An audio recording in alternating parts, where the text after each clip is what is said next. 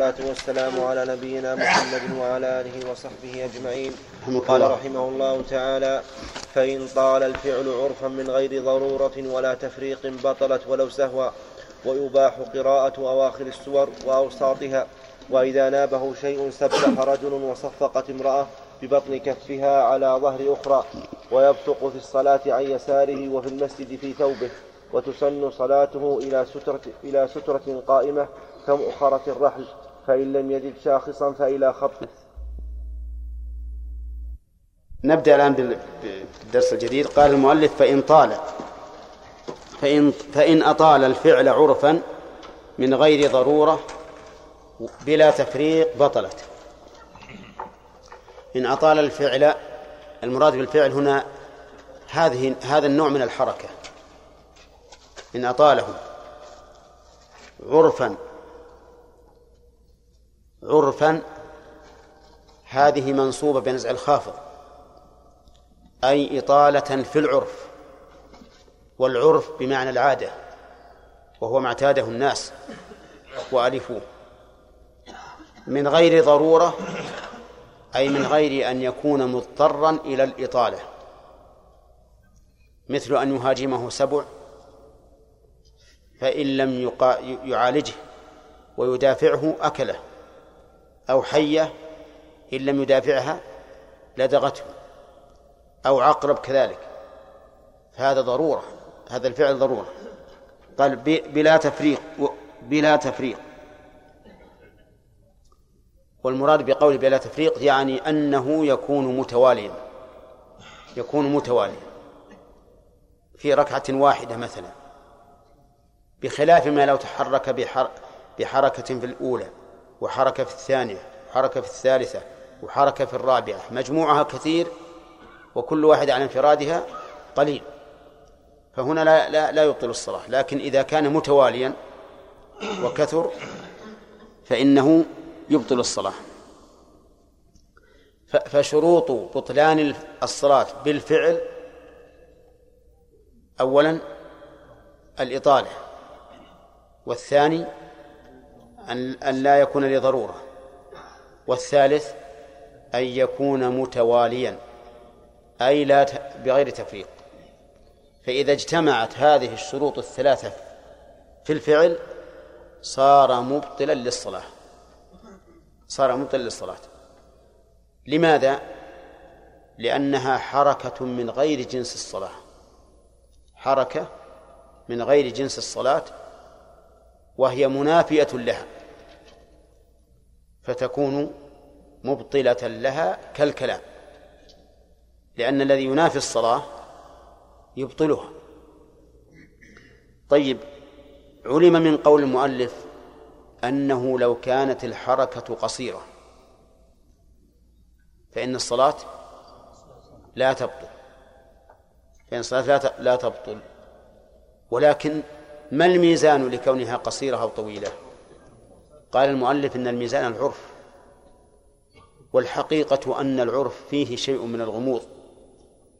كل شيء يقدره العلماء بالعرف ففيه شيء من الغموض. لا يكاد ينضبط لأن الأعراف تختلف. تختلف باختلاف البلدان وتختلف باختلاف الأفهام. قد يرى بعض الناس هذا كثيرا وقد يراه الآخرون قليلا. ولكن أقرب شيء يقال أننا إذا إذا كنا حين نرى هذا الشخص يتحرك يغلب على ظننا أنه ليس في صلاة. يعني ينبغي أن يكون هذا هو الميزان أن تكون الحركة بحيث من رأى فاعلها يظن أنه ليس في صلاة هذا لماذا؟ لأنه إذا كان الفعل الواقع من الشخص يظن أن فاعله ليس بصلاة ليس في صلاة فهذا هو المنافي للصلاة. أما الشيء الذي لا ينافيها إنما هي حركات يسيرة فإنها لا تضر. يعني بمعنى لا تبطل الصلاة. قدرها بعض العلماء بثلاث حركات. ولكن هذا التقدير ليس بصحيح. هذا التقدير ليس بصحيح. لأن الرسول صلى الله عليه وسلم فتح الباب لعائشة وكان الباب في القبلة فتقدم ورجع. وفي صلاة الكسوف تقدم ورجع وتأخر. وحين صنع له المنبر صار يصلي عليه. فيصعد عند القيام والركوع وينزل في الأرض عند السجود. وفي ومع أمامة بنت ابنته كان يحملها إذا قام ويضعها إذا سجد. وكل هذه أفعال أكثر من ثلاث مرات. ومع ذلك لم تبطل الصلاة. حتى وإن كانت متوالية ثلاث حركات متوالية ما لا تبطل الصلاة. لأنها لا تنافيها. وقوله من غير ضرورة علم من ذلك أنه إذا كثرت الأفعال للضرورة لم تبطل الصلاة. ودليل ذلك قوله تعالى حافظوا على الصلوات والصلاة الوسطى وقوموا لله قانتين فإن خفتم فرجالا أو ركبانا. رجالا يعني راجلين يعني صلوا وأنتم تمشون. أو ركبانا أي على الرواحل ومعلوم أن الماشي يتحرك ولا لا؟ كم؟ كثير. يتحرك كثيرا. فلو فرض أن سبعا لحقه وهو يصلي لما شرع في صلاته أحس بأن سبعا وراءه يريده وليس معه ما يدافع به فهرق وهو يصلي. تصح صلاته؟ لماذا؟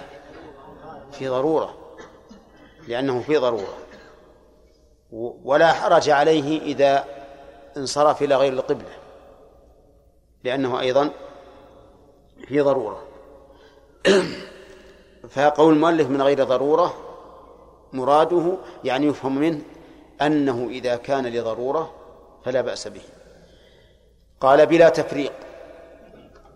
يعني معناه يشترط في الفعل الكثير أن يكون متواليا متواليا عرفا أيضا فإن فرق لم تبطل الصلاة. لو تحرك ثلاث مرات في الركعة الأولى وثلاثا في الثانية وثلاثا في الثالثة وثلاثا في الرابعة المجموع كم؟ اثنا عشر. لو جمعت لكانت كثيرة. ولما تفرقت كانت قصيرة باعتبار كل ركعة وحدها. نقول هذا لا يبطل الصلاة أيضا لأنه لأنه مفرق. قال المؤلف بطلت ولو سهوا. يعني ولو كان الفعل سهوا. لو فرضنا أن شخصا نسي نسي وقام يتحرك ونسي أن يكون في صلاته صار يتحرك يكتب ويعد الدراهم. نعم وتسوق. ويفعل أفعال كثيرة. فإن الصلاة تبطل. فإن الصلاة تبطل. لأن هذه أفعال مغيرة لهيئة الصلاة. فاستوى فيها حال الذكر وحال السهو. بخلاف الكلام. الكلام لا يغير هيئة الصلاة لكن هذا يغير الهيئة. ولهذا قالوا تبطل ولو سهوا ولو هنا إشارة خلاف لأن بعض أهل العلم يقول إذا وقع هذا من الإنسان سهوا فإن صلاته لا تبطل. بناء على القاعدة المعروفة العامة وهي أن فعل المحظور على وجه السهو ها لا يلحق فيه إثم ولا إفساد يا زهير. أنت وش بلاك؟ آه نقول بعض العلماء يرى أنه إذا وقع هذا سهوا فإنه لا بأس به إيه، فإنه لا يبطل الصلاة لأنه محظور والقاعدة العامة أن فعل المحظورات على وجه السهو لا يؤثر. لكن الذين قالوا إنه يؤثر قالوا لأن هذا يغير إيش؟ هيئة الصلاة يخرجها عن كونها صلاة. ليس مجرد فعل يعني لا يؤثر. وهذه ما هذا مما استخير الله فيه أيهما أرجح؟ طيب و وقوله تباح قراءة ينبغي ونحن في هذا المكان أن نقول إن الحركة في الصلاة تنقسم إلى خمسة أقسام. الحركة في الصلاة تنقسم إلى خمسة أقسام. والمراد بالحركة هنا التي نتكلم على تقسيمها هي الحركة التي ليست من جنس الصلاة.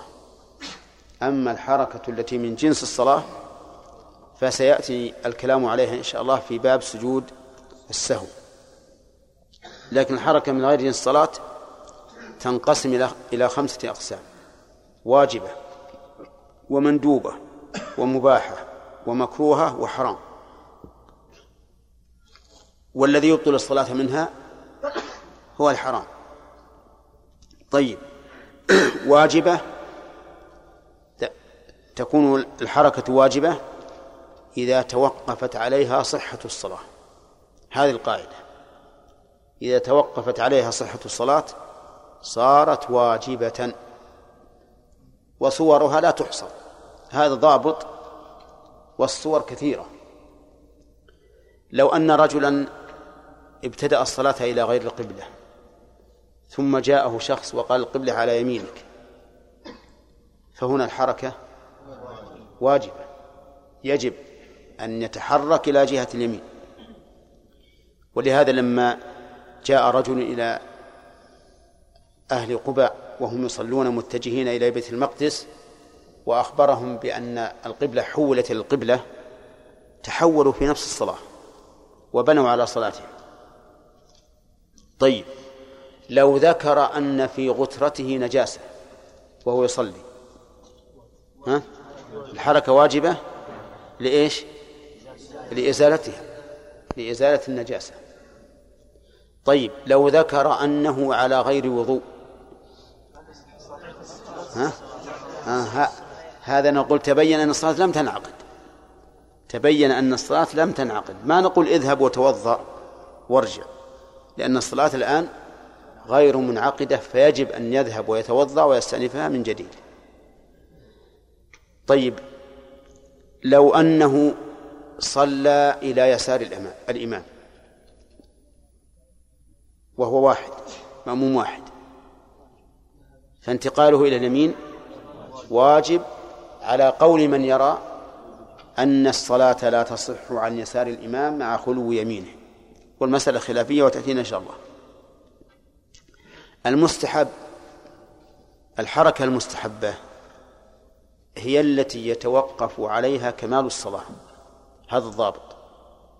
يتوقف عليها كمال الصلاة. ولها صور عديدة أيضا. لها صور عديدة كثيرة. منها لو أنه لم يستر أحد عاتقيه. لم يستر أحد عاتقيه. ذكر أنه لم يستر أحد عاتقيه. فهنا نقول الحركة لستر أحد العاتقين سنة. نعم لأن الصحيح أنه ليس بواجب. طيب.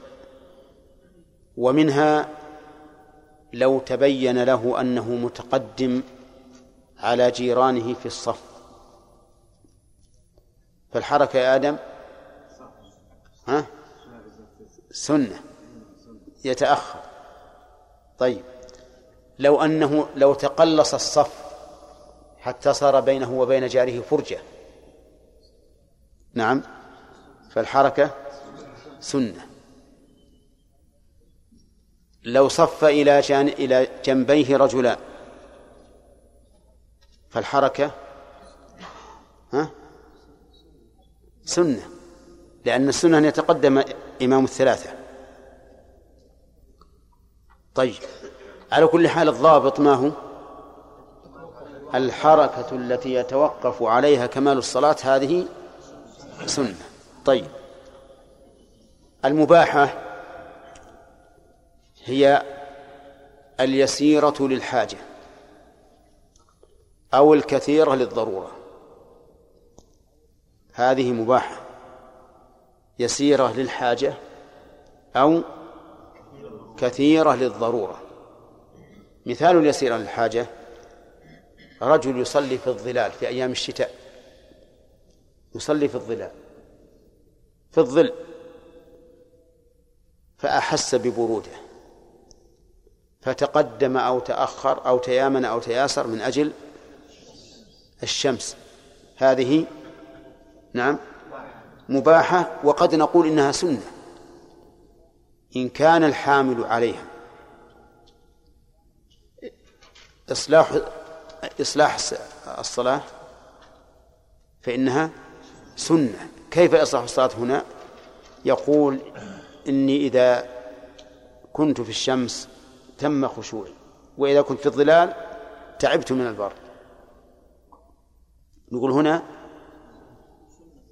تدخل في السنية. لكن إذا كان لمجرد الدفء فقط فهي من المباح. طيب تكون مكروهة إذا كانت يسيرة لغير حاجة. إذا كانت يسيرة لغير حاجة ولا تتوقف عليها كمال الصلاة ولا شيء. كما يوجد في كثير من الناس الآن عندهم عبث. نعم أحد ينظر للساعة وأحد ينظر للقلم وأحد يزر الزرار نعم وثالث يمسح المرآة وإلى آخر كثير. نعم هذا نقول إنه مكروه. والمحرم هو الكثيرة لغير لغير ضرورة. لغير ضرورة مو لغير حاجة لغير ضرورة.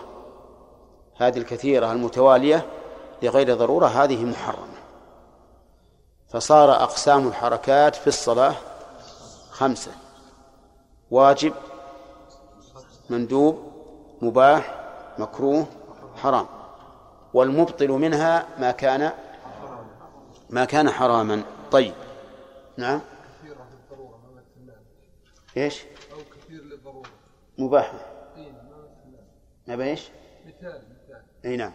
مثل لو أن إنسان هاجمته حية أو سبع أو ما أشبه ذلك. هذه كثير للضرورة.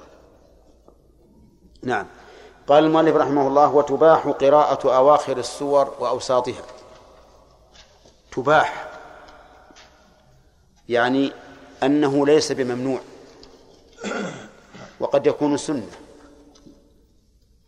أما في النفل فقد ثبت عن النبي صلى الله عليه وسلم أنه كان يقرأ في ركعتي الفجر السنة. في الركعة الأولى قولوا آمنا بالله وما أنزل إلينا وما أنزل إلى إبراهيم وإسماعيل اللي في سورة التي في سورة البقرة. وفي الثانية قل يا أهل الكتاب تعالوا إلى كلمة سواء بيننا وبينكم وهي في آل في آل عمران. يقرأ بها أحيانا ويقرأ أحيانا يقول يا أيها الكافرون وقل هو الله أحد.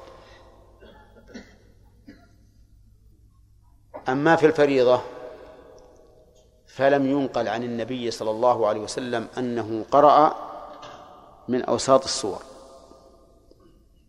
لكن قرأ من أوائلها وأواخرها كما فرق سورة الأعراف في ركعتين وكما فرق سورة المؤمنين سورة المؤمنون على الحكاية في ركعتين لما أصابته السعلة وأما أن يقرأ من وسط السورة فهذا لم يرد عن النبي صلى الله عليه وسلم. ولهذا كرهه بعض أهل العلم بالنسبة للفرائض. ولكن الصحيح أنه مباح. والدليل لذلك الدليل أن النبي صلى الله عليه وسلم كان يقرأ في ركعتي الفجر نعم من أوساط السور. والقاعدة الشرعية أن ما ثبت في النفل ثبت في الفرض إلا بدليل. هذه القاعدة. وعلى هذا فنقول يجوز أن يقرأ أواخر السور وأواسطها وأوائلها. ما الدليل؟ الدليل أولا عموم قول الله تعالى فاقرأوا ما تيسر من القرآن. وقول النبي صلى الله عليه وسلم اقرأ ما تيسر معك من القرآن. ثانيا أن النبي صلى الله عليه وسلم قرأ في النفل من أواسط السور. وما ثبت في النفل ثبت في البرد إلا بدليل. ولكن هذا يعني على القول بالإباحة لا يساوي أن يقرأ الإنسان سورة كاملة في كل ركعة. فإن قراءة سورة كاملة في كل ركعة هو الأصل. ولهذا قال الرسول عليه الصلاة والسلام لمعاذ هلا قرأت بالشمس وضحاها والليل إذا يغشى ونحو ذلك؟ مما يدل على أن الأكمل والأفضل أن يقرأ بسورة كاملة والأفضل شيء والمباح شيء آخر. نعم. نعم.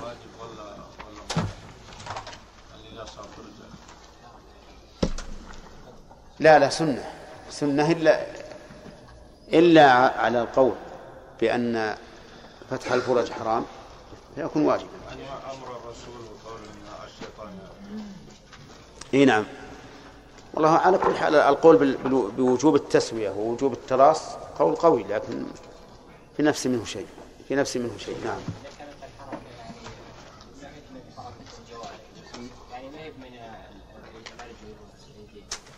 لكن يعني مثلا بالمسجد مكة مثلا مثلا مرت امرأة وصارت بعين فما أدري. كل واحد حتى حركة العين. حركة العين يجب أن يغمض إذا إذا رأى ما يفتنه. تكون هذه أي نعم. العين ما هي بعضو. نعم.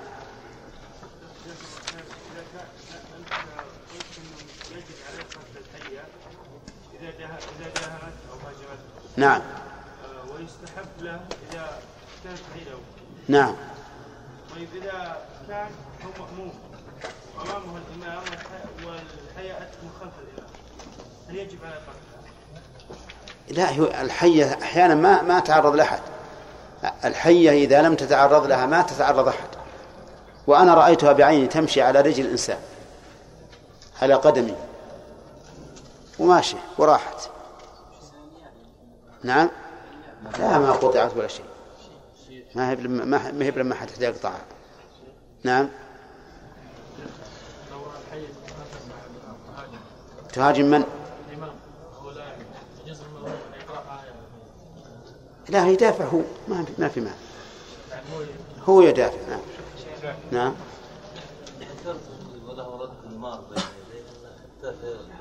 نعم. كيف؟ أكثر من الناس. الحمد لله. والله يا أخي حنا حنا فعلنا. ورددنا. ولا ولا ما رأينا شيئا الحمد لله. خصوصا تقدم لا لا تقدم الحمد لله. ما دام السنة ما هي ما هي فريضة. وإلا كان بعد بعض الأحيان إذا ردنا أحد يزعل. يقول أنت بالحرم. بالحرم. نعم. كلمة شائعة. إي. أنت الحرم إي نعم. لكن يرد. شيخ. نعم. شيخ الحركة هل هناك فرق بين بين النافلة والفرض؟ لا فرق. لا فرق بينهما في الحركة. يفرق بينهما في بعض الأشياء. وأظن عند سامي فروق بين الفرض والنفل من أرادها فليأخذها منه. نعم. خالد.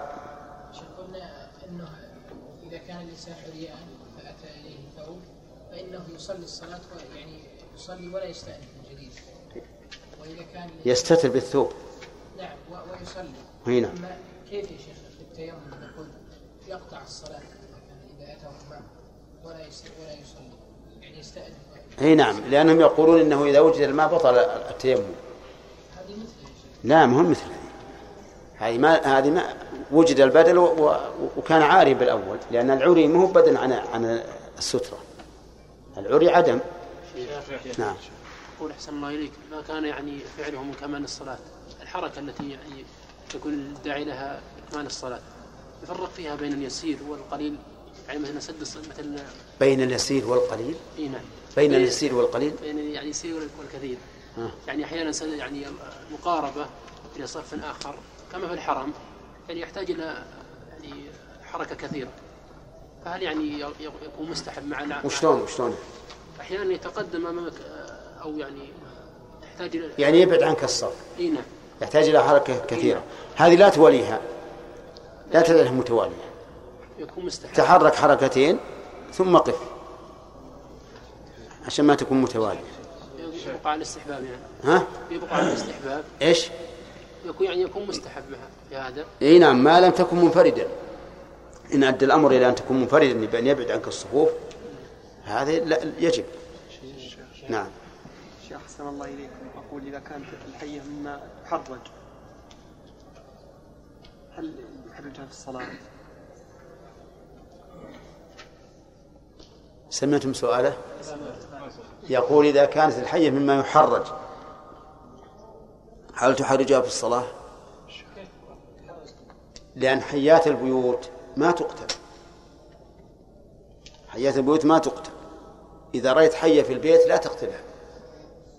حرجها. حرجها يعني قل أنت مني في حرج. إن رأيتك بعد. إذا جت الثانية حرجها. إن جاءت الثالثة حرجها. إن جاءت الرابعة اقتلها. لأن إن كانت إن كانت جنا فإنها بالتحريج الثلاث تنصرف ما تأتي. وإن لم تكن جنية فهي ما ما تفهم. اقتلها. وسبب ذلك أن الرسول صلى الله عليه وسلم أن رجلا قدم ذات يوم إلى أهله وهو حديث عهد بعرس فوجد المرأة عند الباب فسألها ما الذي أخرجك؟ فقالت انظر فذهب إلى الفراش وإذا حية فيه ملتوية متطوية فأخذ الحربة فقتلها. فما يدرى أيهما أسرع موتا الرجل أو أو الحية. مات معه. فلما بلغ ذلك النبي صلى الله عليه وسلم نهى عن قتل الجنان التي تكون في البيوت إلا الأبتر وذا الطفيتين. الأبتر الذي ذنبه قصير وذو الطفيتين نوع من الحيات على ظهرها خطان أزرقان.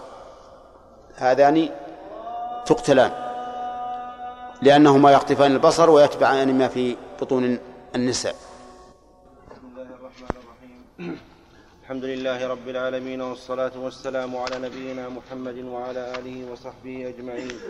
قال رحمه الله تعالى وإذا نابه شيء سبح رجل وصفقت امرأة ببطن كفها على ظهر أخرى ويبصق في الصلاة عن يساره وفي المسجد في ثوبه وتسن صلاته إلى سترة قائمة كمؤخرة الرحل فإن لم يجد شاخصا فإلى خط وتبطل بمرور كلب أسود بهيم فقط. أسود؟ بمرورك لا أسود. حرك. أسود. أسود. من نعم. وتبطل بمرور كلب أسود بهيم فقط وله التعود عند آية وعيد. بسم الله الرحمن الرحيم. الحمد لله رب العالمين والصلاة والسلام على نبينا محمد وعلى آله وأصحابه أجمعين. قال المؤلف رحمه الله تعالى وإذا نابه شيء نابه شيء. الضمير في قوله نابه يعود على المصلي بقرينة السياق. ومعنى نابه أي عرض له. عرض له. وقول الشيء نكرة في سياق في سياق الشرط. إذا فتعم أي شيء يكون سواء كان هذا الشيء مما يتعلق بالصلاة أو مما يتعلق بأمر خارج كما لو استؤذن عليه. أو ما أشبه ذلك. الذي يتعلق بالصلاة مثل لو لو أخطأ إمام فقام إلى رابعة فقام إلى خامسة في الرباعية أو رابعة في الثلاثية أو ثالثة في الثنائية. فهنا نابه شيء متعلق بالصلاة. ومثال المتعلق بغير الصلاة لو استأذن عليه شخص قرأ عليه الباب وهو يصلي فإنه يسبح الرجل وتصفق المرأة. قال سبح رجل. سبح أي قال سبحان الله. فإن انتبه المنبه بمرة لم يعده مرة أخرى.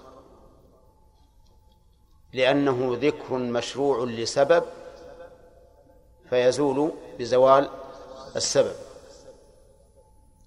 وإن لم ينتبه بأول مرة كرر. يسبح ثانية وثالثة حتى ينتبه المنبه. وقول سبح رجل المراد بالرجل هنا الذكر. ولا يشترط بلوغه حتى وإن كان مراهقا فإنه يسبح. قال وصفقت امرأة. صفقت امرأة يعني بيديها. والفرق ظاهر. يعني التفريق في الحكم بين الرجال والنساء ظاهر. لأن المرأة لا ينبغي لها أن تظهر صوتها عند الرجال. لا سيما وهم في صلاة. لأن هذا قد يؤدي إلى الفتنة. فإن الشيطان يجري من ابن آدم مجرى الدم فلو سبحت المرأة فربما يقع في قلب الإنسان فتنة ولا سيما إذا كان صوت المرأة جميلا. وقد أخبر النبي عليه الصلاة والسلام أن الشيطان يجري من ابن آدم مجرى الدم وأنه ما ترك فتنة أضر على النساء. على الرجال من النساء. طيب. وقول المؤلف صفقت امرأة. ظاهر كلامه العموم. سواء كانت امرأة مع نساء لا رجال معهن أو مع رجال. تصفق. حتى وإن كان ذلك مع نساء لا رجل معهم فإنها لا تسبح. وإنما تصفق. وقال بعض العلماء إذا لم يكن معها رجال فإنها تسبح كالرجل وذلك لأن التسبيح ذكر مشروع في الصلاة. بخلاف التصفيق فإنه فعل غير مشروع جنسه في الصلاة. ولجأت إليه المرأة فيما إذا كان معها فيما إذا كانت مع الرجال لأن ذلك أصون لها وأبعد عن الفتنة. فإذا لم يكن معها إلا نساء فل إيش؟ فلتسبح. ولننظر الآن. دليل هذه المسألة قول النبي صلى الله عليه وسلم إذا نابكم شيء في الصلاة فلتسبح فليسبح الرجال ولتصفق النساء. وفي لفظ ولتصفح النساء. وإذا رأينا إلى عموم الحديث قلنا إن ظاهرة أنه لا فرق بين أن يكون مع المرأة رجال أو لا. وإذا تأملنا قلنا بل ظاهر الحديث أن هذا فيما إذا كانت المرأة مع الرجال لأنه قال فليسبح الرجال ولتصفق النساء. وظاهر الحديث أن المسألة مسألة اجتماع أن فيه رجالا ونساء. فوظيفة الرجال التسبيح ووظيفة النساء التصفيق. والمسألة محتملة. فيما والكلام الآن فيما إذا كانت امرأة مع نساء لا رجل معهم. هل تسبح أو تصفق؟ فمن نظر إلى ظاهر العموم قال تصفق ومن نظر إلى ظاهر السياق. يعني فليسبح الرجال وتصفق النساء. قال هذا فيما إذا كان معها رجال لا سيما إذا أخذ بالتعليل الذي ذكرنا وهو أن التسبيح ذكر مشروع جنسه في الصلاة بخلاف التصفيق قال المؤلف رحمه الله ببطن كفها على ظهر الأخرى. يعني تضرب ببطن الكف على ظهر الأخرى. كيف؟ كذا. يعني هكذا. ببطن الكف على ظهر الأخرى. وقال بعض العلماء بالعكس بظهر كفها على بطن الأخرى. بظهر الك... ببطن بظهر الكف على البطن. كيف؟ آه. كذا. وقال بعض العلماء ببطن كفها على بطن الأخرى.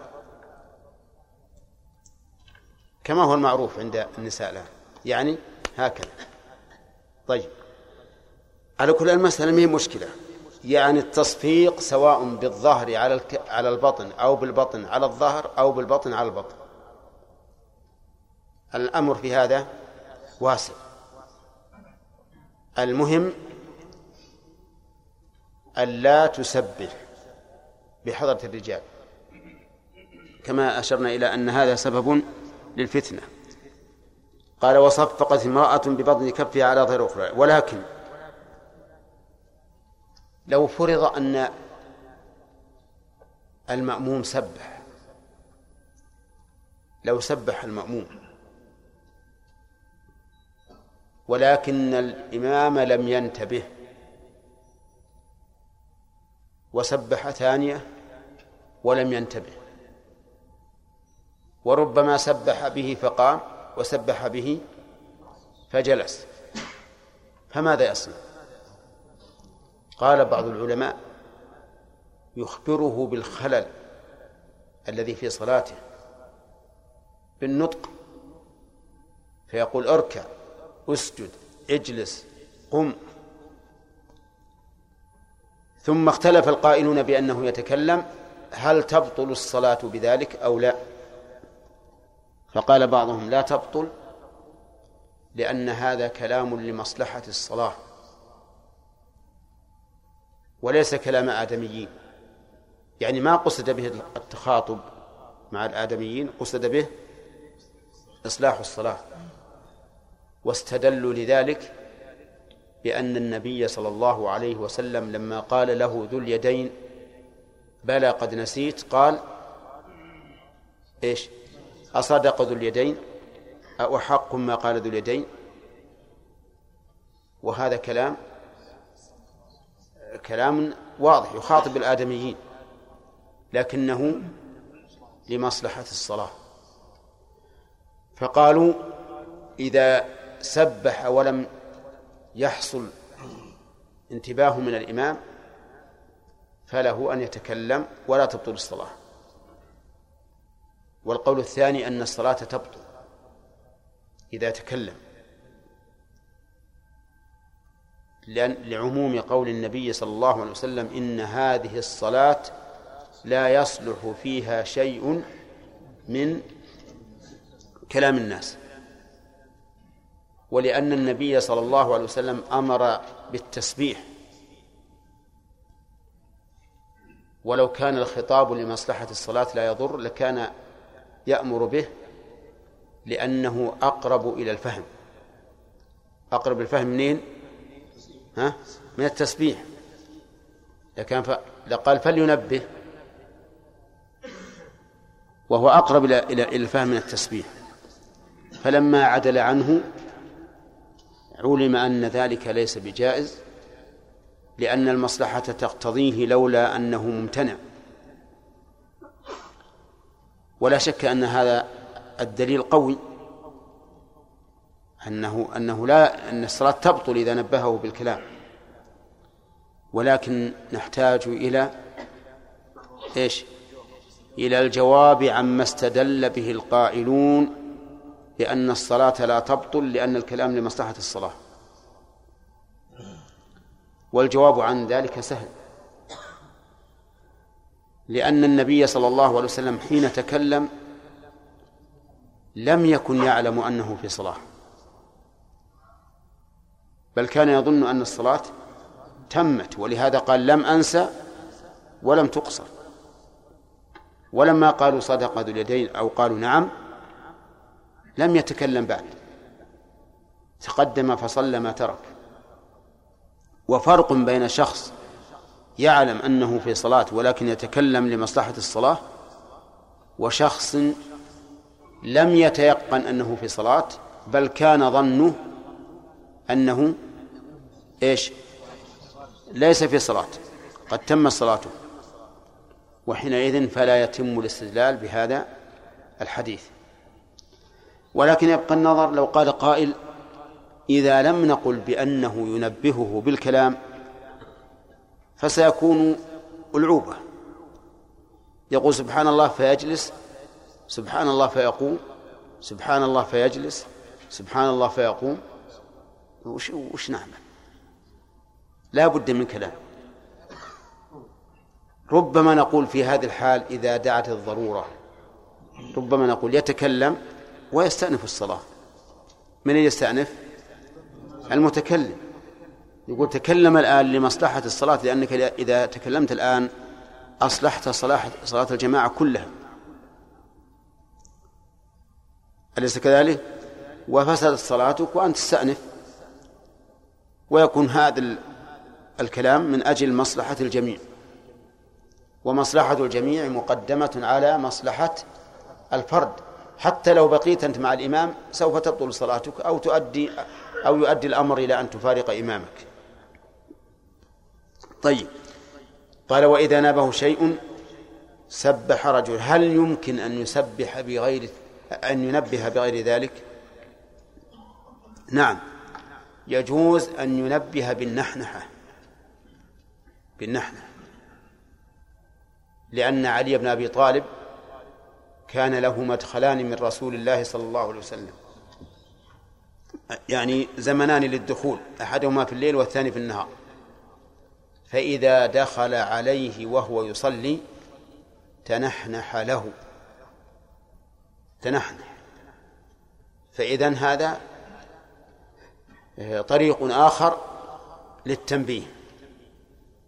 أن ينبه المستأذن بماذا؟ بالنحنحة. طيب. وهل هناك طريق ثالث؟ يمكن. وذلك بالجهر. بالجهر بالقراءة. والجهر بالقراءة جائز. فإذا مثلا فإذا استأذن عليك أو ناداك وأنت تصلي ورفعت صوتك بما تقول فهذا فيه تنبيه. فهذا فيه تنبيه. لكن أفضل شيء هو التسبيح لأن النبي صلى الله عليه وسلم أمر به. النبي عليه الصلاة والسلام أمر به. طيب هل للمصلي أن ينبه غير إمامه إذا أخطأ في شيء؟ يعني مثل لو كان اللي عندك يكثر الحركة اللي إذا جاء إلى جنبك يكثر الحركة يشغلك. هل لك أن تنبهه؟ الجواب نعم له أن ينبهه. لأن هذا من إصلاح صلاته. بل حتى لو فرض أنه لإصلاح صلاة أخيه فلا بأس. والدليل على هذا سبب الحديث. سبب الحديث وهو قوله عليه الصلاة والسلام إذا نابكم شيء فإن سببه أن معاوية بن الحكم رضي الله عنه دخل والنبي صلى الله عليه وسلم يصلي فصلى فعطس رجل من القوم فقال الحمد لله. فقال له معاوية يرحمك الله. فرماه الناس بأبصارهم يعني جعلوا ينظرون إليه منكرين قوله. فقال واثكل أمياه. فجعلوا يضربون على أفخاذهم يسكتونه فسكت. فلما سلم النبي عليه الصلاة والسلام دعاه وقال له إن هذه الصلاة لا يصلح فيها شيء من كلام الناس إنما هي التسبيح والتكبير وقراءة القرآن أو كما قال صلى الله عليه وسلم. وقال للصحابة إذا نابكم شيء في صلاتكم فليسبح الرجال ولتصفق النساء. عرفتم جماعة؟ وهذه المسألة تتعلق بإيش؟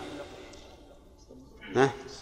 بصلاة غيرهم بصلاة غيرهم ولكنها في الواقع تتعلق بصلاتهم من وجه آخر وهو أنه قد يكون في ذلك تشويش عليه. فلهذا لم ينههم النبي عليه الصلاة والسلام عن إنكارهم لما صنع معاوية. قال ويبصق في الصلاة عن يساره يبصق ويجوز وتجوز بالزاي وتجوز بالسين. يبزق ويبسق ويبصق لأن هذه الأحرف الثلاثة تتناوب في كثير من الكلمات وذلك لتقارب مخارجها. السين والثاني الزاي والصاد. طيب يقول في الصلاة عن يساره وفي المسجد في ثوبه. نعم. يبصق في الصلاة عن يساره. يعني إذا احتاج إلى البصاق فإنه يبصق عن يساره ولا يبصق عن يمينه ولا أمام وجهه. أما كونه لا يبصق عن قبل وجهه فلأن الله سبحانه وتعالى قبل وجهه. ما من إنسان يستقبل بيت الله ليصلي إلا استقبله الله بوجهه. أي مصلي يكون؟ في أي مكان؟ لأن الله تعالى بكل شيء محيط. ولله المشرق والمغرب فأينما تولوا فثم وجه الله. إن الله واسع عليم. وليس من الأدب أن تبصق بين يديك والله تعالى قبل وجهك. لو أنك فعلت ذلك أمام عامة الناس لعد هذا سوء أدب. فكيف بين يدي ملك الملوك عز وجل جبار السماوات والأرض؟ ولهذا رأى النبي صلى الله عليه وسلم نخامة في قبلة المسجد فعزل الإمام الذي فعلها. لأن هذا لا لا يليق أن تبصق وأنت تصلي بين يديك. أما أما عن اليمين فقد علل النبي صلى الله عليه وسلم ذلك بأن عن يمينه ملكا. فلا تبصق عن اليمين لأن عن يمينك ملكا. ولا أمام وجهك لأن الله قبل وجهك عز وجل. إذا ما بقي إلا إلا اليسار. فتبصق عن اليسار لأمر النبي صلى الله عليه وسلم بذلك. فإن قال قائل في هذا الحديث إشكالان. الإشكال الأول كون الله قبل وجه المصلي. كيف يكون ذلك ونحن نؤمن ونعلم بأن الله تعالى فوق عرشه؟ فكيف يكون هذا؟ والجواب, والجواب على ذلك من ثلاثة أوجه. الوجه الأول أنه يجب على الإنسان في هذه الأمور التسليم. تسليم. وعدم الإتيان بلما أو كيف. لا تأتي بلما أو كيف في باب صفات الله أبدا. اجعلها في جيبك. قل آمنت وصدقت. آمنت بأن الله على عرشه فوق سماواته وبأنه قبل وجه المصلي. وليس عندي سوى ذلك. هكذا جاءنا عن رسول الله صلى الله عليه وسلم. هذه واحدة. وهذه الطريق تكف عنك إشكالات كثيرة. وتسلم من تقديرات يقدرها الشيطان في ذهنك أو يقدرها جنود الشيطان. في ذهنك. تقول الحمد لله أنا أؤمن بهذا وهذا. ولا أقول كيف ولا لما. هذه واحد. ثانيا أن النصوص جمعت بينهما. وهذه ربما تفرع على ما التي قبلها. والنصوص لا تجمع بين متناقضين. لأن الجمع بين المتناقضين محال ومدلول النصوص ليس بمحال. واضح؟ ثالثا أن الله عز وجل لا يقاس بخلقه. فهب أن هذا الأمر ممتنع بالنسبة للمخلوق. أي ممتنع أن يكون المخلوق على المنارة وهو قبل وجهك.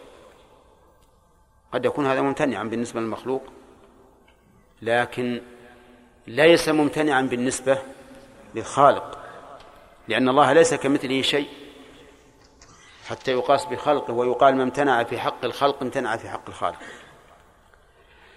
الرابع أنا قلت ثلاثة أوجه وصارت أربعة لكن الوجه الثاني قد يكون داخل بالوجه الأول. الرابع أنه لا منافاة بين العلو وقبل الوجه. حتى في المخلوق. ألم تروا إلى الشمس عند غروبها أو شروقها؟ تكون أمام تكون قبل وجه مستقبلها. وهي إيش؟ وهي في السماء. في السماء فوق. وتقول تشوفها بين يديك على الأرض. عند الغروب أو عند الشروق. فإذا كان هذا ممكنا في حق المخلوق فما بالك؟ في حق الخالق. هذا هو الجواب عن الإشكال الأول في الحديث. وأهم هذه الأجوبة عندي وأعظمها وأشدها قدرا الجواب الأول. أن نقف في باب الصفات موقف المسلم لا المعترض. فنؤمن بأن الله فوق كل شيء وبأنه قبل وجه المصلي. ولا نقول كيف ولا لما. طيب. وهذه كما قلت لكم تريحكم في كل ما يريده الشيطان على القلب من الإشكالات وما يريده جنود الشياطين. لأن هناك جنود للشياطين في هذه المسائل. يقول لك هذا كيف يمكن؟ إذا لازم إما أن تقول بالحلول إن الله في الأرض ولا إيش؟ ثم يورد عليك هذه الشبهة تقول أنا لا أنا أؤمن بأن, بأن الله فوق كل شيء وأنه قبل وجه المصلي كما جاءت به النصوص ولا أتعدى هذا. الإشكال الثاني في الحديث البصاق عن اليمين علله النبي صلى الله عليه وسلم بأن على يمينه ملكا. وهذا التعليل يشكل عليه أن على يساره ملكا أيضا. كما قال تعالى عن اليمين وعن الشمال قعيد. فهذا ملك وهذا ملك. فما الجواب عن هذا؟ الجواب عن هذا أن نقول هناك طريقة ثالثة ثانية أرشد إليها الرسول عليه الصلاة والسلام. قال النبي عليه الصلاة والسلام أو يقول هكذا. وبسط ثوبه ثم تفل ثم قال هكذا. هذه طريقة ثالثة ثانية للبصاق. وفي هذه الحال لا يكون بصق عن يمينه ولا عن شماله ولا قبل وجهه. ولكن إذا إذا سلمنا الصفة الأولى أنه يدخل عن يساره قلنا هذا أمر لا بد منه. لأنه إما أن يدخل عن يساره أو عن يمينه أو قبل وجهه أو من ورائه ولا يمكن من ورائه إلا إذا انحرف عن القبلة. وهذا شيء لا يمكن. إذا لا بد من أن يكون عن اليسار. ثم نقول إن الملك الذي عن اليمين مرتبته أعلى من الملك اللي عن اليسار الذي عن اليسار. حتى إنه جاء في بعض الآثار أن الله أعطاه سلطة سلطة على الملك الذي عن اليسار بحيث لا يكتب ملك اليسار ما عمله العبد من السيئات إلا بعد إذن الملك اللي عن يمين. فيقول الملك انتظر لعله يتوب. انتظر لعله يتوب فلا تكتب عليه. نعم. فإن صح هذا الأثر فهو واضح وإن لم يصح فلا شك أن من كان عن اليمين أعلى مرتبة ممن كان على اليسار. وكلهم ملائكة كرام كما قال الله تعالى وإن عليكم لحافظين كراما كاتبين. طيب قال المؤلف ويبصق في الصلاة عن يساره وفي المسجد في ثوبه. تتعين الصفة الثانية إذا كان الإنسان في المسجد. ما هي الصفة الثانية؟ أن يبصق في ثوبه. أن يبصق في ثوبه. فلا يبصق في المسجد. لماذا؟ لأن النبي صلى الله عليه وسلم قال البصاق في المسجد خطيئة. ولا يجوز للإنسان أن يتعمد فعل الخطيئة. لكن هذه الخطيئة إذا فعلها كفارتها دفنها. كفارتها دفنها. وعلى هذا فنقول لا تبصق في المسجد عن يسارك. ابصق في ثوبك. طيب ولا يبصق تحت قدمي في المسجد؟ وهي الصفة الثالثة. الصفة الثالثة أن يبصق تحت قدمه لكن في المسجد لا يبصق تحت قدمه لأن ذلك يلوث المسجد. ولأنه للحديث الذي ذكرنا لأن البصاق في المسجد خطيئة ولأنه يلوث المسجد. وفي الحديث دليل على استعمال المروءة. والأدب حيث وصف النبي صلى الله عليه وسلم البصاق في الثوب بأنه يحك بعضه ببعض لماذا؟ من أجل إذهاب صورة البصاق لأن وجود صورة البصاق في الثوب توجب تقزز النفس من هذا المرأة والاشمئزاز ويؤدي ذلك إلى كراهة الرجل. أنت لو رأيت شخص مثلا تجد المخاط في ثوبه والأذى والقدر تكره الثوب ولا تكره الرجل؟ ها؟ ها؟ طبعا الثوب أنت بلابسه ما يهمك لكن تكره الرجل. تكره الرجل. فلهذا ينبغي الإنسان أن يزيل عن ثيابه الأذى والوسخ ومن ثم كان الرسول صلى الله عليه وسلم يأمر عائشة فتتزل فيباشرها وهي حائض. لماذا يأمرها بالاتزار؟ لئلا يرى المحل المتلوث بالدم. فإذا رآه تقززت نفسه. واشمأزت وربما يؤدي ذلك إلى كراهتها. وهذه نقطة ينبغي الإنسان أن يستعملها. ومن ثم لو طلعنا عن الموضوع شوي من ثم قال العلماء ينبغي للإنسان أن ينظر في المرآة. في المرآة. ولا أدري هل هل نحن ننظر في المرآة ولا لا. من الناس من من يفرط في, النظر في المرآة. ويبالغ ويغلو.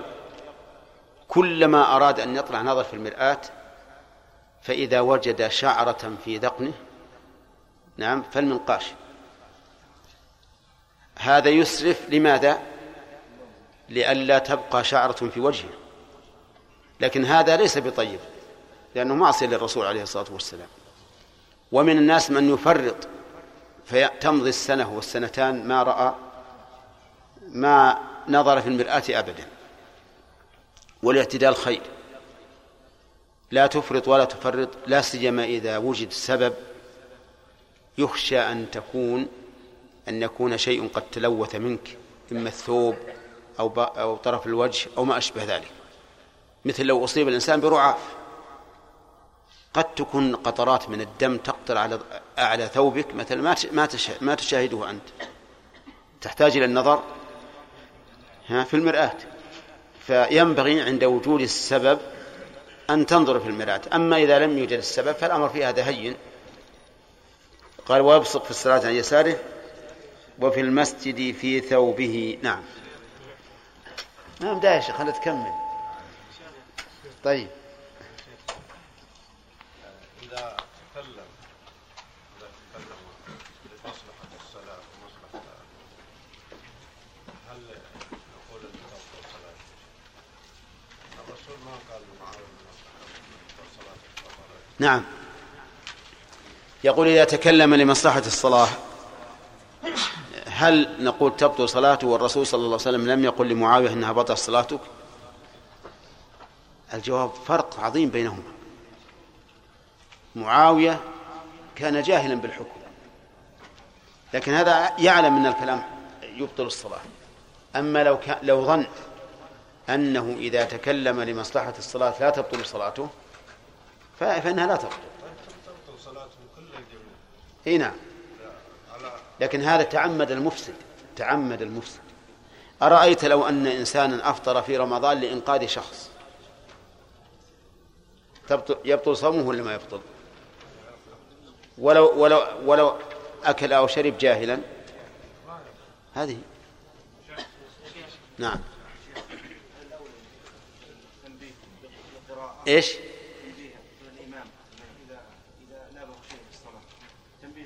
ولا بالفعل إذا كان قريب؟ الإمام قدامه يقدر يقول له اجلس لاقي بيده. يعني إذا إذا لم يمكن التنبيه بالتسبيح؟ تسبيح نعم. بالقراءة أحسن. لأن القراءة كما قلنا ذكر مشروع في الصلاة. لكن الحركة غير مشروعة إنما لو فرض أنه أنه لم يستحضر آية تناسب المقام. عرفت فله أن يتقدم إذا كان وراء الإمام يتقدم وإذا كان النسيان لسجدة حصر ظهره يعني اسجد اي نعم نعم نعم حسن يعني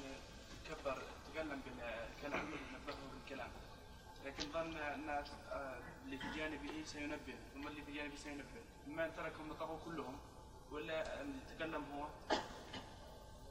ولا يسكت يسكت لينتظر هذا. ما فهمت. قلت إذا جاء الشخص يتكلم يتكلم يعني نحن سبحنا للإمام. سبحان الله ما فهم. نعم. سبحان الله سبحان الله ما فهم. تكلم الشخص. ها؟ لكن تكلموا كثير. تكلموا كلام؟ تكلموا كثير. يقول هل ينتظرون واحد منهم يتكلم أو لا يتكلمون. لا يتكلم إذا تكلم واحد إن تكلموا واضح أنه ما ما له- ما لهم حق في هذا. أي نعم. نعم؟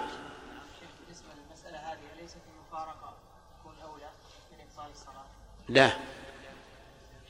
لأن هنا سوف يحفظ كل الصلاة صلاة الجماعة كلهم. نعم.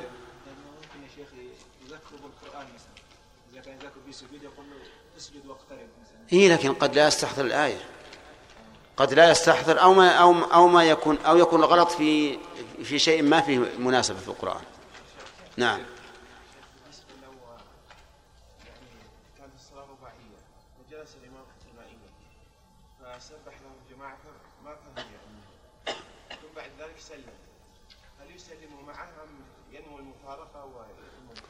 لا لا ينبهونه. لا يقولون قوموا لله قانتين مثلا. حتى يفهم. لا لازم ينبهونه. نعم. ها؟ يشرع رفع أي نعم هذا السؤال وجيه. وجيه. وش تقولون؟ ها؟ اي سأل عنه. ما فيها شيء. ما في شيء ياخذه ويقول سبحان الله ولكنه ما يضع التلفون وضعا طبيعيا. يضعه على الأرض علشان يبقى مشغول ما حد يزحف نعم.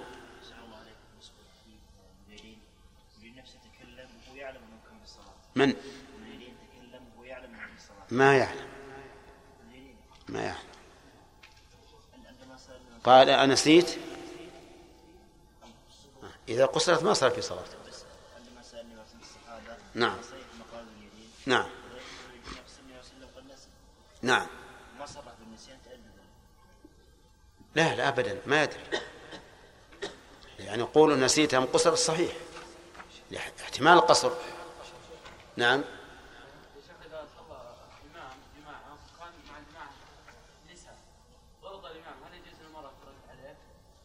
يعني في القرآن الظاهر أن لا. تصفق. تصفق. نعم محمد؟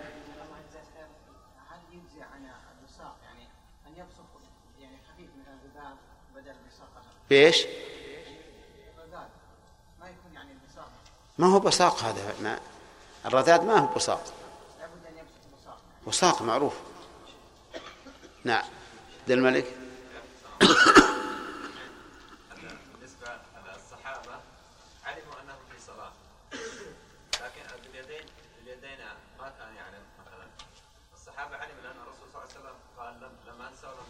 نعم. لكن علموا أنهم ما زالوا في الصلاة فأجابوا النبي صلى الله عليه وسلم. إي نعم لأن إجابة النبي صلى الله عليه وسلم واجبة. يا أيها الذين آمنوا استجيبوا لله وللرسول إذا دعاكم لما يحييكم. واجبة على كل حال. نعم. إي نعم. كل هذا من باب التأكيد. نعم.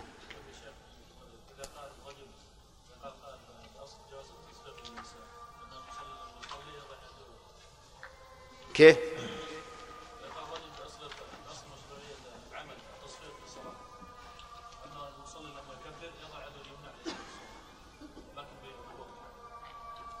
والله ما أدري. شوفوا يا جماعة. إن صلى جنبكم أحمد. وصفق بيده عند وضع اليد اليمنى على اليسرى. فكسروا يده. عرفتم ولا لا؟ يا أحمد السلام وش تقول يا عيد؟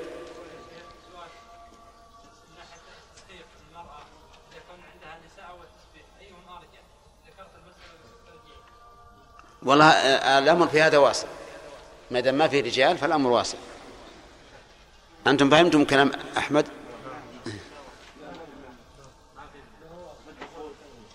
أي إيش السؤال؟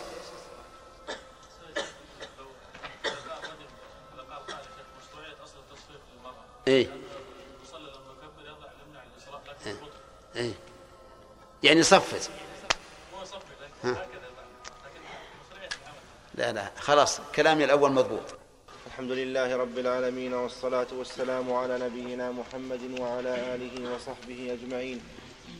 قال رحمه الله تعالى ويبصق في الصلاة عن يساره وفي المسجد في ثوبه وتسن صلاته إلى سترة قائمة كمؤخرة الرحل فإن لم يجد شاخصا فإلى خط وتبطل بمرور كلب أسود بهيم, بهيم فقط وله التعول عند آية وعيد والسؤال عند آية رحمة ولو في فرض. فصل. بس بس. بسم الله الرحمن الرحيم الحمد لله رب العالمين والصلاة والسلام على نبينا محمد وعلى آله وأصحابه أجمعين.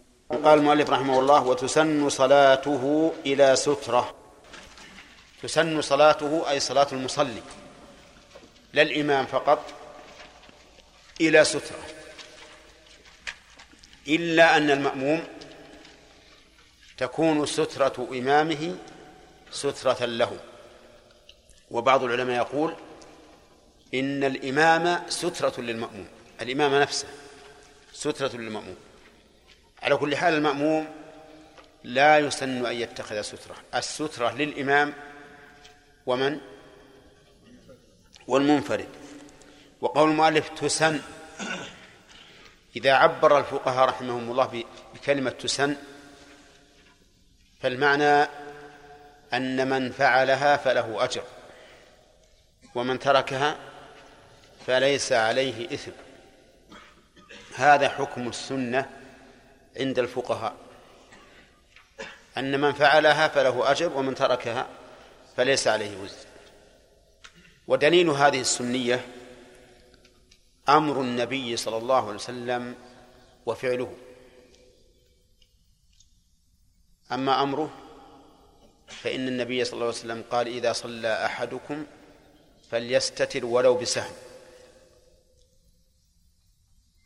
وأما فعله فقد كان عليه الصلاة والسلام تركز له العنزة في أسفاره فيصلي إليها.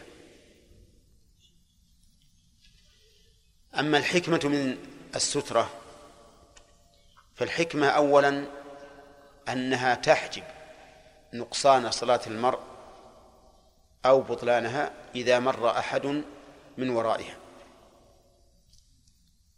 إذا مر أحد من ورائها ثانيا أنها تحجب نظر المصلي لا سيما إذا كانت شاخصة يعني لها جرم شاخص. فإنها تعين المصلي على حضور قلبه وحجب بصره. ثالثا أن فيها امتثالا لأمر النبي صلى الله عليه وسلم واتباعا لهديه.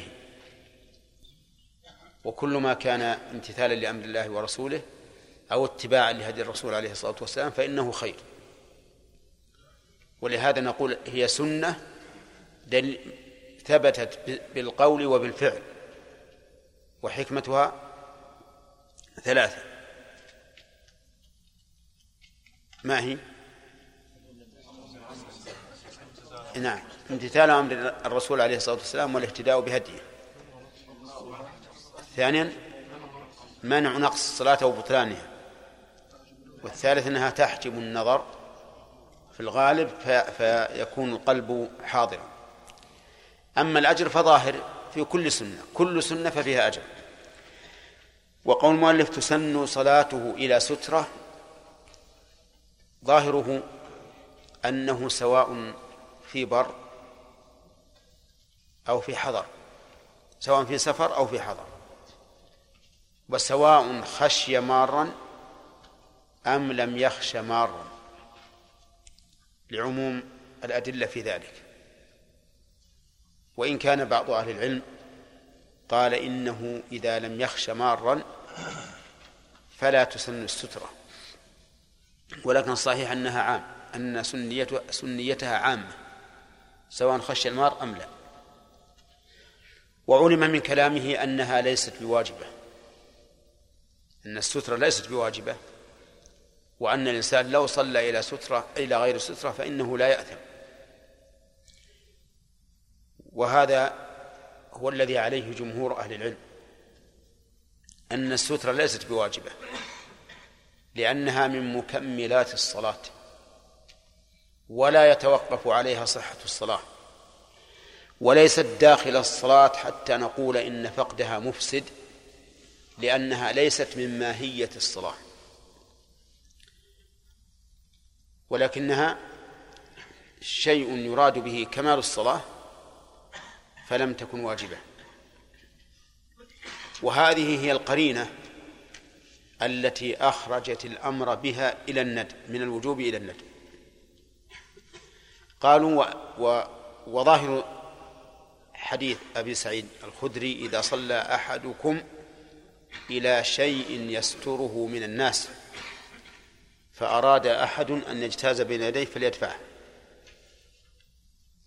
فإن قوله إذا صلى أحدكم إلى شيء يستره يدل على أن المصلي قد يصلي إلى شيء يستره وقد لا يصلي. لأن مثل هذه الصيغة ما تدل على أن كل الناس يصلون بل تدل على أن بعض على أن بعضا يصلي وبعضا لا يصلي. واستدلوا أيضا بحديث ابن عباس أنه أتى في منى والنبي صلى الله عليه وسلم يصلي فيها بأصحابه إلى غير جدار. إلى غير جدار. واستدلوا أيضا بحديث ابن عباس في السنن. رأيت النبي صلى الله عليه وسلم يصلي في فضاء ليس بين يديه شيء. وكلمة شيء هذه عامة. تشمل كل شيء. وهذا الحديث فيه مقال قريب. لكن يؤيد حديث ابن سعيد وحديث ابن عباس يصلي إلى غير جدار ولكن الذين قالوا بالوجوب أجابوا عن حديث ابن عباس يصلي في فضاء إلى غير شيء بأنه ضعيف وعن حديثه إلى غير جدار بأن نفي الجدار لا يستلزم نفي غيره. وحديث أبي سعيد يدل على أن الإنسان قد يصلي إلى سترة وإلى غير سترة لكن دلت الأدلة على أنه لا بد أن يصلي أن يصلي إلى سترة. ولكن أدلة القائلين بأن السن بأن السترة سنة وهم الجمهور أقوى.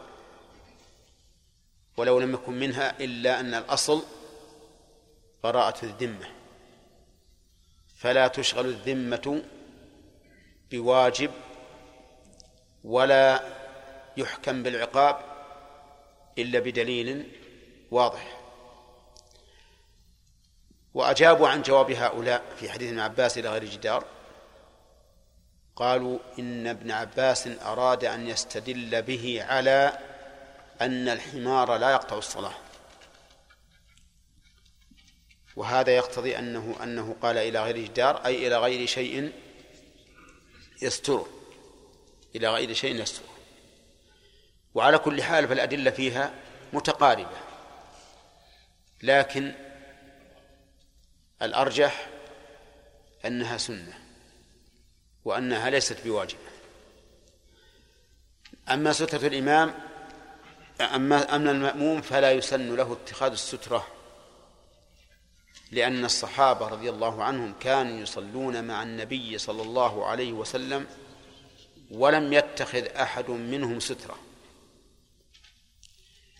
ولكن هل يجوز المرور بينهم بين أيديهم؟ أو لا يجوز؟ نعم فيه قولان لأهل العلم. القول الأول أنه لا يجوز أن يمر بين يدي المصلين. واستدلوا بأن بعموم الأدلة لو يعلم المار بين يدي المصلي ماذا عليه؟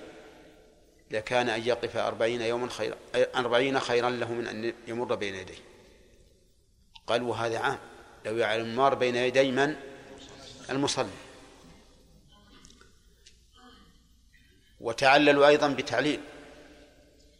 قالوا إن الإشغال الذي يكون للإمام والمنفرد حاصل بالمرور بين يدي إيش؟ المأموم. يشغلون المأموم. وربما يكثر المارة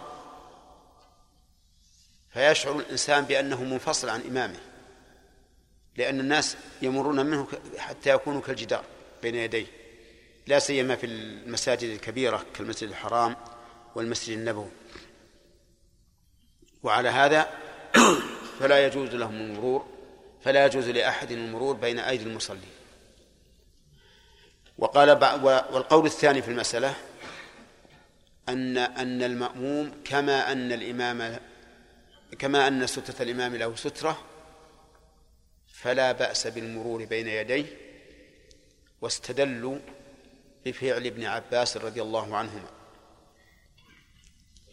حينما جاء إلى النبي عليه الصلاة والسلام وهو يصلي في الناس بمنى وهو راكب على حمار أتان. أتان يعني أنثى. فدخل في الصف. وقد مر و و وأرسل الأتان ترتع ترعى. وقد مرت بين أيدي الصف. قال ولم ينكر ذلك علي أحد. لا النبي صلى الله عليه وسلم ولا أحد من الصحابة. وهذا الإقرار يخصص عموم لو يعلم المار بين يدي المصلي ماذا عليه؟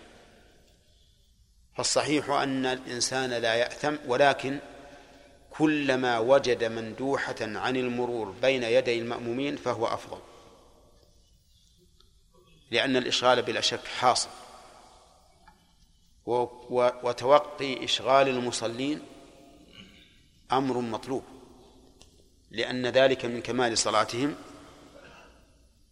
وكما تحب أنت ألا يشغلك أحد عن صلاتك فينبغي أن تحب أن لا تشغل أحدا عن صلاته. لقول النبي صلى الله عليه وسلم لا يؤمن أحدكم حتى يحب لأخيه ما يحب لنفسه. قال المؤلف رحمه الله إلى سترة قائمة كمؤخرة الرحل. قائمة يعني منصوبة. كمؤخرة الرحل تشبيه لها بما جاء في الحديث عن النبي عليه الصلاة والسلام.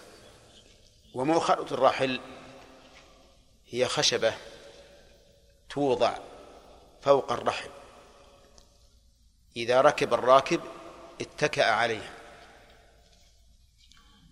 تعرفون الرحل رحل البعير؟ يسمى عندنا أشداد يكون اللي خلف الراكب يوضع فيه خشبة تسمر أو تربط من أجل أن يتكئ عليها الراكب. يتكئ عليه بظهره. وهي حوالي ثلثي ذراع. يعني ليست رفيعة شاهقة بل حوالي ثلث ذراع أو ذراع لا ربع أو ما أشبهها. طيب فإن يقول المؤلف رحمه الله فإن لم يجد شاخصا فإلى خط إن لم يجد شاخصا يعني شيئا قائما يكون له شخص فإلى خط.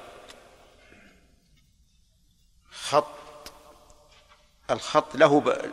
له أثر في الأرض لأن الأرض فيما سبق مفروشة بالرمل أو بالحصباء وإذا خط الإنسان صار له أثر بين. لكن نحن الآن ليس عندنا أرض يكون فيها خط بين.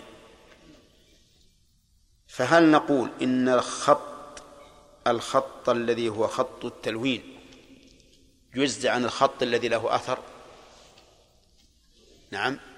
قال بعض أهل العلم يجزي كل ما اعتقده سترة. كل ما اعتقدته سترة فهو مجزي حتى الخط الملون. لكن في النفس من هذا الشيء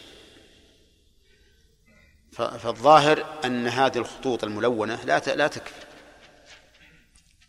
نعم لو فرض فيه خياط بارز في طرف الحصير أو في طرف الفراش لصح أن يكون سترة. لأنه بارز. طيب ما هل هناك دليل على أن الخط يكفي؟ الجواب نعم. فيه دليل. أن النبي صلى الله عليه وسلم قال فمن لم يجد فليخط خطا. وهذا الحديث قال عنه الحافظ ابن حجر في بلوغ المرام. ولم يصب من من زعم أنه مضطرب.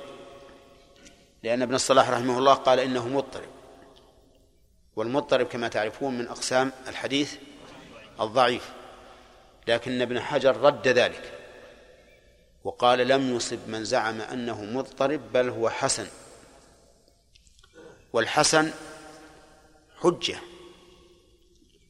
الحسن حجة لأنه يوجب غلبة الظن حسب التعريف المعروف وهو أن الحسن ما رواه عدل خفيف الضبط بسند متصل سالم من الشذوذ وسلم من الشذوذ والعلة القادحة. وعلى هذا فيكون الحديث حجة فإذا لم تجد شاخصا فخط خطا. ولكن كيف أخط؟ أخط خطا مقوسا كالهلال أو ممتدا كالعصا. ها. أي أي خط؟ ولهذا قال المؤلف فإلى خط. وكذلك في الحديث فليخط خطا. وهذا الخط يكون علامة على المصلي ومفيدا له. قال فإن لم يجد شاخصا فإلى خط. وتبطل بمرور كلب أسود بهيم فقط. تبطل الضمير يعود على الصلاة. والبطلان أحيانا يطلق على ما لم ينعقد وأحيانا يطلق على من عقد ثم فسد. والثاني هو الأكثر. الثاني هو الأكثر. يعني أن العلماء يطلقون البطلان على من عقد ثم فسد وربما يطلقونه على ما لم ينعقد. كما لو قال لو ترك تكبيرة الإحرام بطلت صلاته. ها؟ هذا؟ بطلان ما لم ينعقد. بطلان ما لم ينعقد. وكما لو قال يبطل البيع إذا كان الثمن مجهولا. ها. هذا بطلان ما لم يتم. يعني بطلان ما لم ينعقد. فالبطلان عند أهل, أهل العلم يطلق على معنيين. أحدهما أن يراد به ما لم ينعقد والثاني أن يراد به ما انعقد ثم فسد. فقول المؤلف هنا تبطل بمرور. من الأول ولا من الثاني؟ يعني من بطلان من عقد. نعم. طيب. تبطل الصلاة بمرور كلب الضمير في تبطل يعود على الصلاة. النافلة أو الفريضة نعم. يشمل النافلة والفريضة. تبطل الصلاة النافلة والفريضة بمرور كلب. انتبه للمرور. عبور الكلب. من يمين المصلي إلى يساره أو من يساره إلى يمينه. وأما بقعود الكلب بين يديه فلا تبطل. لو فرضنا أن كلبا أمامك فإن صلاتك لا تبطل. لكن لو مر بطلت يقول بمرور كلب لا حمار ولا بعير ولا فرس ولا شاة كلب. طيب وخنزير؟ ولا خنزير. ولا خنزير. وهنا لم يقيسوا الخنزير على الكلب. وفي باب النجاسة؟ قاسوا. ولكن سبق لنا في باب النجاسة أن نجاسة الخنزير كالنجاسات الأخرى. لا يلزم فيها التسبيع ولا التراب. طيب أسود. أسود يعني دون الأحمر والأبيض. كذا ها؟ والأورق. ها؟ أي لون غير الأسود. طيب. بهيم. أي خالص. البهيم الخالص. الذي لا يخالطه شيء. ومنه ما جاء في الحديث تحشرون يوم القيامة حفاة عراة غرلا بهما. يعني ليس معكم شيء.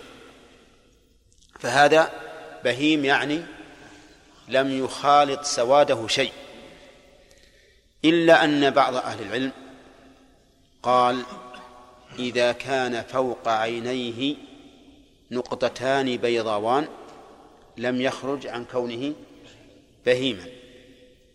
طيب قال المؤلف فقط فقط يعني لا غير. ولكن كيف الكلمة هذه؟